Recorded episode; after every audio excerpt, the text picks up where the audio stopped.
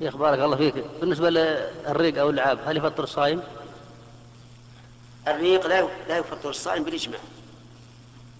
ولا يمكن أن يقول, أن يقول أحد بأنه يفطر. لكن جمع الريق وابتلاعه هو الذي بعض العلماء قال إنه يفطر. والصحيح أيضا إنه لا يفطر.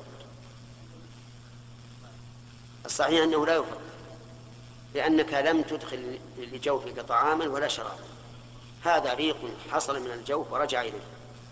ولهذا كان القول الراجح أيضا أن النخامة لا تفطر حتى لو وصلت إلى الفم وابتلع الإنسان فإنه لا يفطر لا لا تفطر لكنها لكن الإنسان لا لا يبتلعها. فإن أهل العلم حرموا ذلك لأنها شيء مستقذر ولا ينبغي الإنسان أن يبتلعه. لكن لو تمضمض من أجل العطش هل يفطر؟ إن ابتلع الماء أفطر ما في إشكال. إذا لم يبتلعه فإنه لا يفطر نعم.